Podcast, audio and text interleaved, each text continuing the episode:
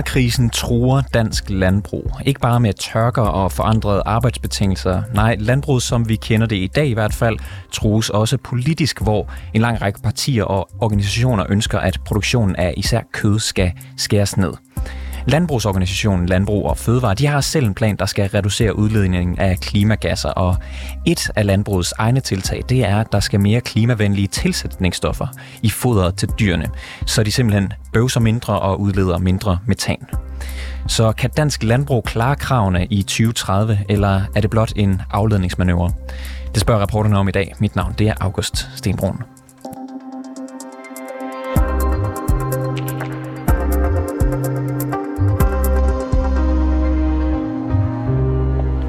Jørgen Olesen, du er forsker i drivhusgasser på Aarhus Universitet, og så har du også bidraget til FN's klimarapporter som del af klimapanelet IPCC.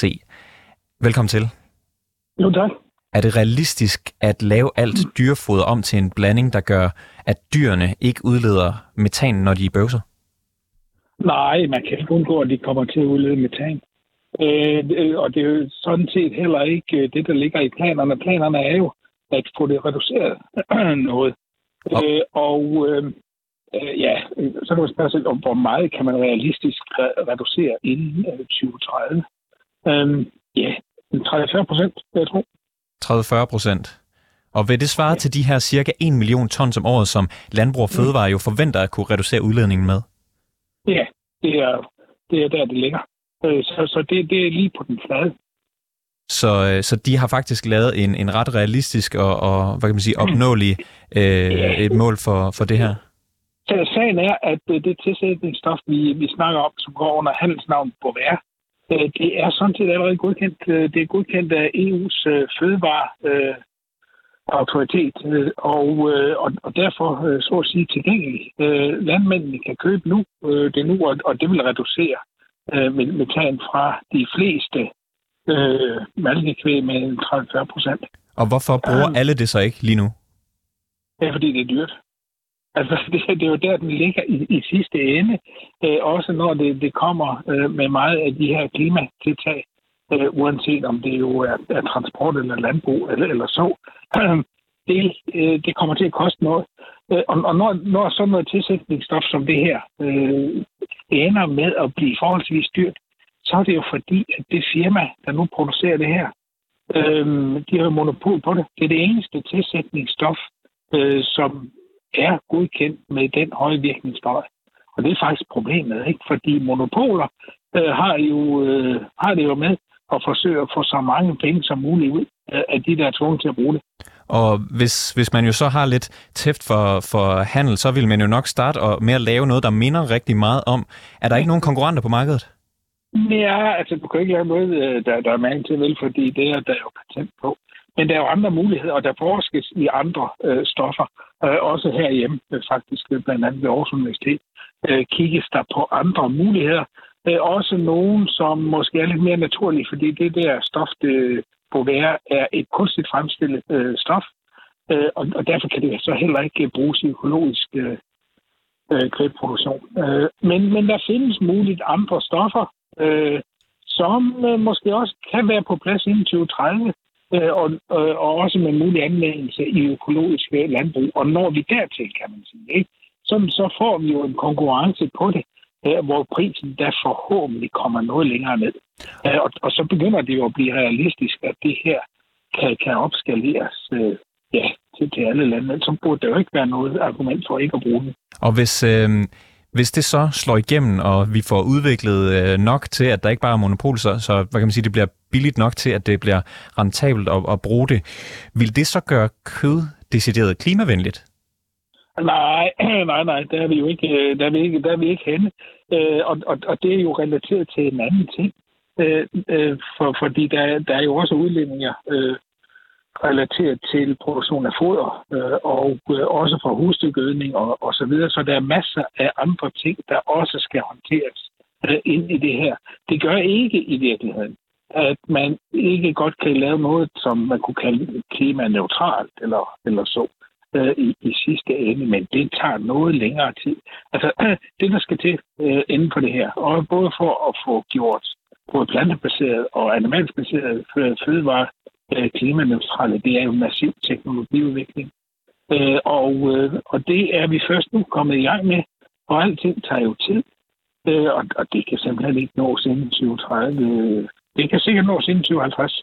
Hvis man, øh, hvis man skulle gøre alt, hvad man kunne, altså virkelig bare satse på noget, ville det så være bedst, hvis man satsede på at producere mindre kød generelt, eller hvis man skulle satse på at udvikle videre på de her foderteknologier, så de slår igennem? Jamen, jeg tror, man skal gøre begge det. Øh, fordi der er nok ikke nogen tvivl om, at, at øh, der fortsat vil være et ganske betydeligt og også voksende marked øh, globalt for kød øh, og andre animalske produkter herunder mælk. Øh, så det kommer vi ikke udenom. Øh, øh men, øh, men, men det kan ikke løse et andet problem, vi har også, som også er med kød, og det er jo, at der er et, et temmelig stort arealforbrug øh, til at producere øh, kød med. Øh, og verdens landbrugsareal er altså begrænset og ved at være opbrugt. Og vi ser jo også klimaforandringer true øh, landbrugsarealet. Så vi bliver nødt til simpelthen øh, for at kunne sikre fødevaresikkerhed øh, med et faldende eller uændret landbrugsareal, at skifte væk fra en kødproduktion. Det er simpelthen for arealkrævende. Hvad vil det betyde for vores produktion, vores BNP, vores betalingsbalance for den sags skyld, hvis vi begyndte at producere mindre kød? Ikke en skid. Øh, det tror jeg, tror jeg sådan set ikke. Øh, for, fordi det vil jo blive erstattet af rigtig meget andet. Øh, altså, Danmark klarer sig jo øh, fabelagtigt på betalingsbalance osv., men det gør vi jo primært i, i kraft af den enorme biotek- og farmaindustri, vi har, og så har vi nogle skibe, der sejler penge hjem til Danmark. Øh, landbruget bidrager også øh, en hel del på varebalancen osv. Øh, men, men Danmark vil jo som nok økonomisk øh, leve ganske fint, øh, øh, også uden øh, at vi producerer kød. Øh, det er sådan set ikke det, der er problemet. Øh, Danmark, dansk økonomi er ikke afgørende i det her. I sidste ende er det faktisk, at vi kan sikre et fornuftigt fødevareforsyning til hele verden. Øh, og, og der bidrager Danmark faktisk øh, til det. Og hvis man, øh, hvis man gerne vil gøre alt for at styrke udviklingen af de her mere klimavenlige tilsætningsstoffer i fodret, hvor skal man så sætte ind her nu? Forskning. Øh, det er det, der skal til. Øh, og, øh, og, og, og det skal der satses øh, massivt på. Både på planter, husdyr og hele vejen rundt. Jørgen E. Olsen, forsker i drivhusgasser på Aarhus Universitet. Tak fordi du var med i programmet. Velkommen. Min øh, kollega Jeppe Aumann Ø, vi har talt med Jørgen Sten Nielsen, der er journalist på Information. Og han har dækket klimahistorier stort set siden 1985. Og min kollega spurgte ham, om man kan stole på Landbrug og Fødevare, når organisationen siger, at man vil bidrage til at løse klimaproblemerne, der er forbundet med landbruget. Og også om det er en realistisk plan, som Landbrug og Fødevare har fremlagt, altså at man kan reducere udledningen af drivhusgasser med 1 million tons CO2 hvis man blander det her stof i dyrenes foder. Og Jørgen Stenle Nielsen, han vil gerne starte sit svar med et citat fra Klimaministeriets klimaprogram. Citat, mangel på viden om stoffernes effekt og afledte effekter på miljø, fødevarekvalitet og dyresundhed med videre skal undersøges. Og så siger det, at senest i 2028 er der brug for at kunne tage beslutning om det her stof er egnet til, til sådan en udbredt anvendelse i landbruget. Så, så vi er ikke et sted, hvor det som, som du vist nok antyder, er markedsført hjemme. Det er et sted, hvor man er i en, i en undersøgelsesfase, som øh, tager flere år, og hvor der er, som jeg citerede ministeriet for at sige, mangel på viden om, om en række ting om de her stoffers effekter. Altså man kan sige, at, at øh, det man ved indtil nu, er det, er det øh, formentlig lovende, men det er stadigvæk en fugl på taget, altså en ny teknologi, som vi ikke ved kan levere det, som, som vi har brug for at få leveret. Øhm, og til tallene kan man sige, at når landbrug og fødevare siger 1 million ton CO2 kan vi reducere med på den måde, så siger Klimarådet, som har vurderet de samme ting, at Bovaer kan levere, øh, hvis det går godt, 0,4 millioner ton, altså knap halvdelen af det, som Landbrug og Fødevare siger. Øhm, og så kan man jo selv kigge på eller vurdere, hvem man har mest, øh, sætter mest lid til. Hvem har du mest lid til? Så, Øh, jeg har mest tillid til det, der er en, en uvildig faglig instans, og mindre tillid til, altså relativt set til det, der er en, en uh, brancheorganisation for et erhverv, som, som gerne vil slippes uh, nemmest og billigst uh, om i den her omstilling, som de skal igennem. Så hvis jeg nu har fået den idé, at jeg gerne vil sætte min lid til, at øh, forskningen og øh, teknologien ligesom får indhentet nogle af de her problemer, og vi snart får en masse gode tilsætningsstoffer til øh, foderstofferne på, i landbruget. Hvad, øh, hvad vil du så sige til mig? Så vil jeg sige, at jeg vil gerne sammen med dig krydse fingre for, at det lykkes, men jeg er ikke tryg ved, at vores øh, klimapolitik og rejsen mod vores besluttede klimamål øh, er baseret på, at vi krydser fingre og håber, at en ny teknologi som den her dukker op i tide. Jeg vil hellere satse på andre kendte tiltag, som vi ved kan levere, øh, men som desværre ikke får plads i, i tilstrækkelig omfang i Landbrug og Fødevareskemaplan. Okay. Gælder din øh, skepticisme, skal vi kalde den det, kun på landbrugsområdet? Fordi man, man har jo nogenlunde samme tilgang i energisektoren, hvor man øh, jo også tænker at lave en omstilling væk fra fossile brændstoffer til øh, brint eller til øh, andre mere vedvarende energikilder. Øh, er det kun landbruget, man skal være skeptisk over for ny teknologi, eller skal man brede det ud, tænker du? Altså, jeg er ikke skeptisk over for nye teknologier, men, men jeg er stærkt i tvivl om de øh, forestillinger, man har om, hvor hurtigt de kan være her, og om de kan levere i det omfang, man drømmer om, øh, at det er realistisk. Og det er sådan set det er ikke noget, jeg, jeg sidder og finder på. Jeg, jeg gengiver så set, hvad øh, først og fremmest Klimarådet har sagt, både hvad det gælder landbruget og hvad det gælder de andre samfundssektorer, hvor, hvor regeringen læner sig meget op af kommende teknologier, som ikke helt er her endnu. Ja, så det er ikke sådan, at man måske skal være øh, særlig kritisk over for, at, at der kommer nogle udspil fra øh, dansk landbrug om, at vi kan gøre øh, sådan og sådan? Jo, i en vis forstand skal vi være særlig opmærksomme på, hvad der sker på landbrugsområdet, fordi landbruget er, for det første er det øh, den enkeltsektor, som efterhånden er den største Øh, drivhusgasudleder herhjemme. Når vi når 2030, så står landbruget for 45 procent af alle danske udledninger. Og altså er det store tilbageværende problem. Øh, og hvis du ser på, på landbrugets indsats til dato, så er kurven over CO2-udledning fra dansk landbrug, den har ikke flyttet sig overhovedet de sidste 10 år. Altså uanset hvad man har sagt i mange år, så har man ikke formået at bringe CO2-reduktionerne ned. Så jeg, jeg mener, der, der er alle mulige grund til at holde meget, meget øje med, med landbruget. Dels fordi, at det er den store sektor, vi ikke har løst problemerne for indtil nu, og dels fordi, at øh, sporene fra de sidste 10 års indsats i erhvervet øh, skræmmer lidt. Ikke? Altså man har ikke formået at, at få kogen til at pege nedad øh, de sidste 10 år. Jamen noget af det, man hører som modsvar til det, det er jo, at hvis man strammer skruen mere over for landbruget, så flytter industrien bare til udlandet. Er det øh, et argument, du køber? Altså, at hvis man øh, sætter flere krav til, at øh, det skal være, være grønnere, og dermed så også sværere at, øh, og, og tjene den samme øh, mønt i øh, Danmark, så rykker det bare til, øh, til udlandet? Altså sådan noget er jo altid en, en balancegang, fordi de, de lande, som er længst fremme i skoene med, med grønne tiltag for eksempel, det er jo også dem, som både bliver rollemodeller og får nogle øh, muligheder for at eksportere noget know-how og nogle, nogle løsninger. Så, så det at være foran kan også være en fordel. Og i øvrigt gør Klimarådet jo opmærksom på, at at øh, dansk landbrug er jo ikke sådan isoleret i verden.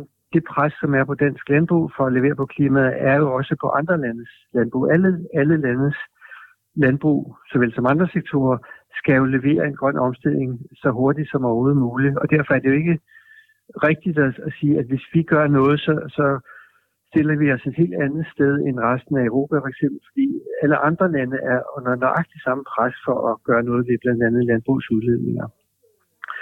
Så, så Klimarådet og også de økonomiske vismænd har sagt, at, at den her frygt for, at produktionen flytter udlands, der, der kan være et, et, et vist mål af udflytning, hvis vi løber meget foran de andre, men, men det er altså ikke voldsomt, for de andre lande er på samme rejse, som vi er. Gør det så sådan noget, at øh, Landbrug og Fødevares planer måske er lidt for optimistiske i dit syn? Altså fordi hvis, hvis vi så kan nå der først, for eksempel, så vil man jo øh, se øh, det, det, øh, det skinnende grønne, lysende eksempel øh, i Danmark, og så sige, det er da sådan, vi gør det ude i udlandet. Præcis, ja. Men det, det synes jeg ville være rigtig fint, hvis, hvis landbruget faktisk bliver sådan en, en europæisk eller international frontløber. Ikke? Jeg tror bare, at fodertilsætning krydser jeg fingre for kan, kan lykkes, men er mere usikker på.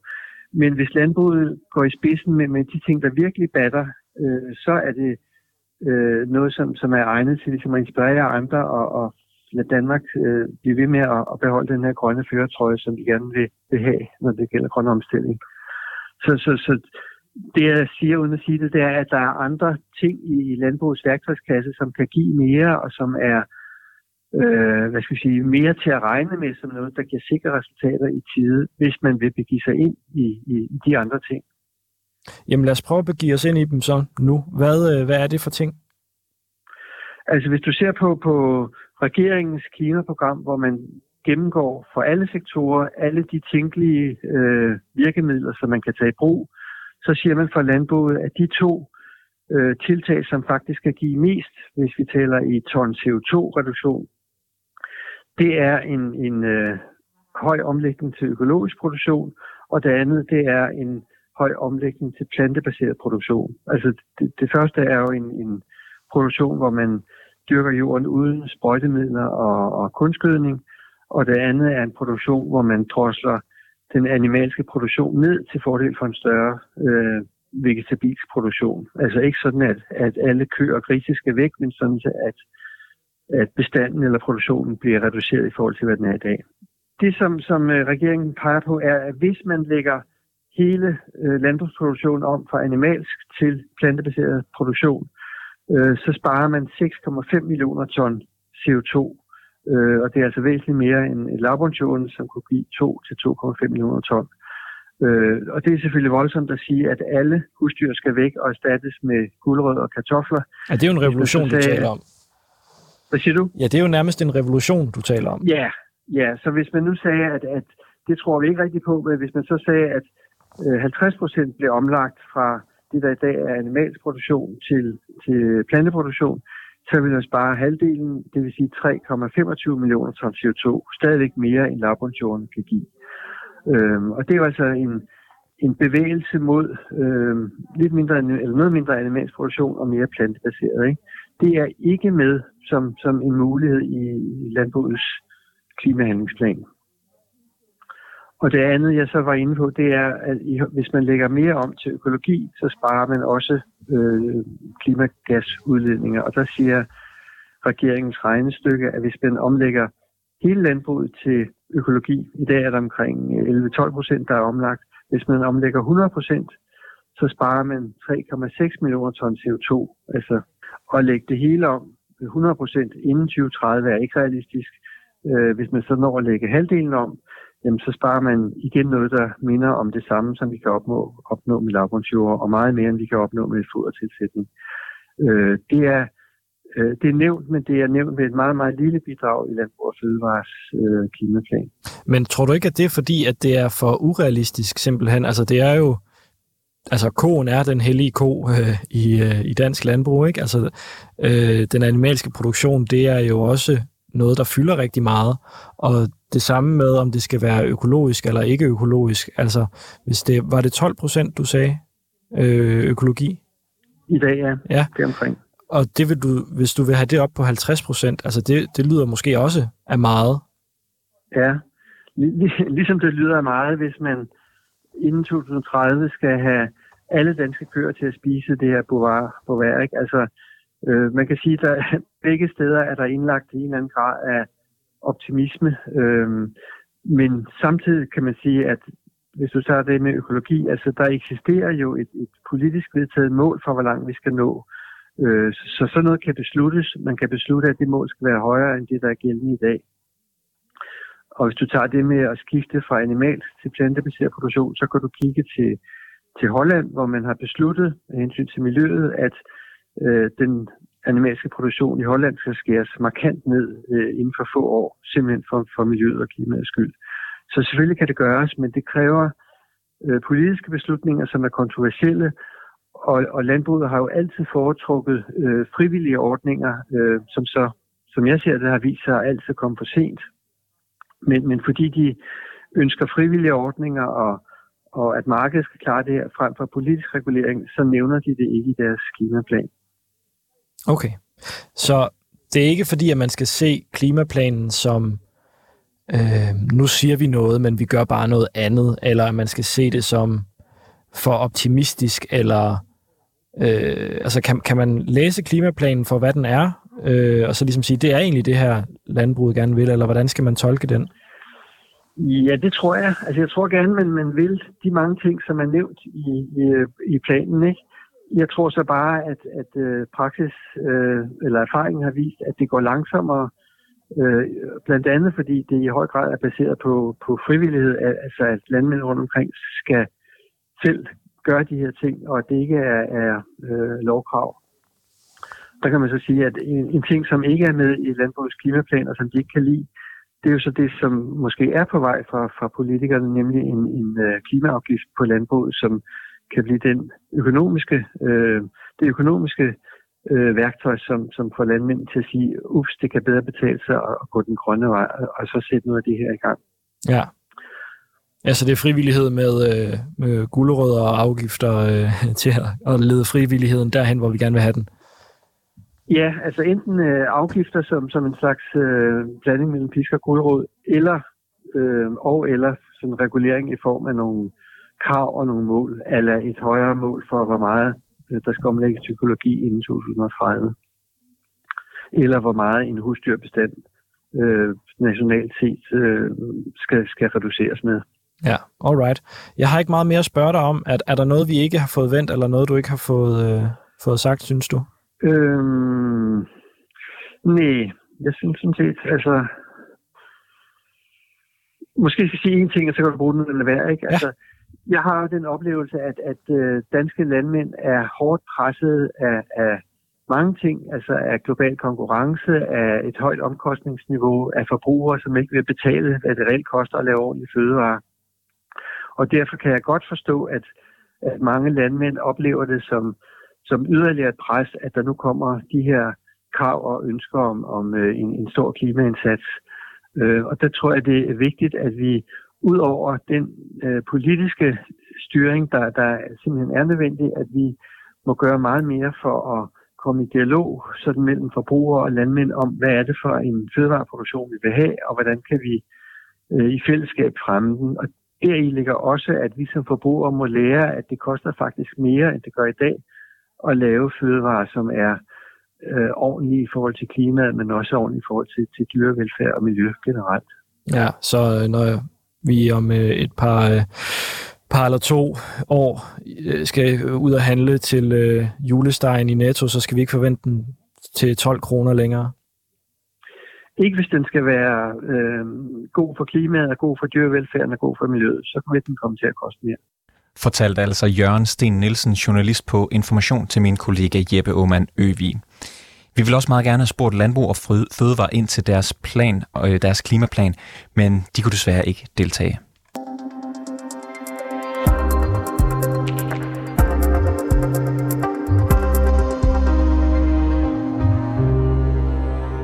Det var alt for reporterne i denne omgang. Tak fordi du lyttede med. Har du noget, som du mener, vi bør undersøge, eller ris eller ros til programmet, så kan du altid skrive til os på rapporterne-247.dk. Bag dagens udsendelse var Jens Sillesen og Jeppe Aumann Øvi. Alexander Brøndum er redaktør, og mit navn det er August Stenbrun.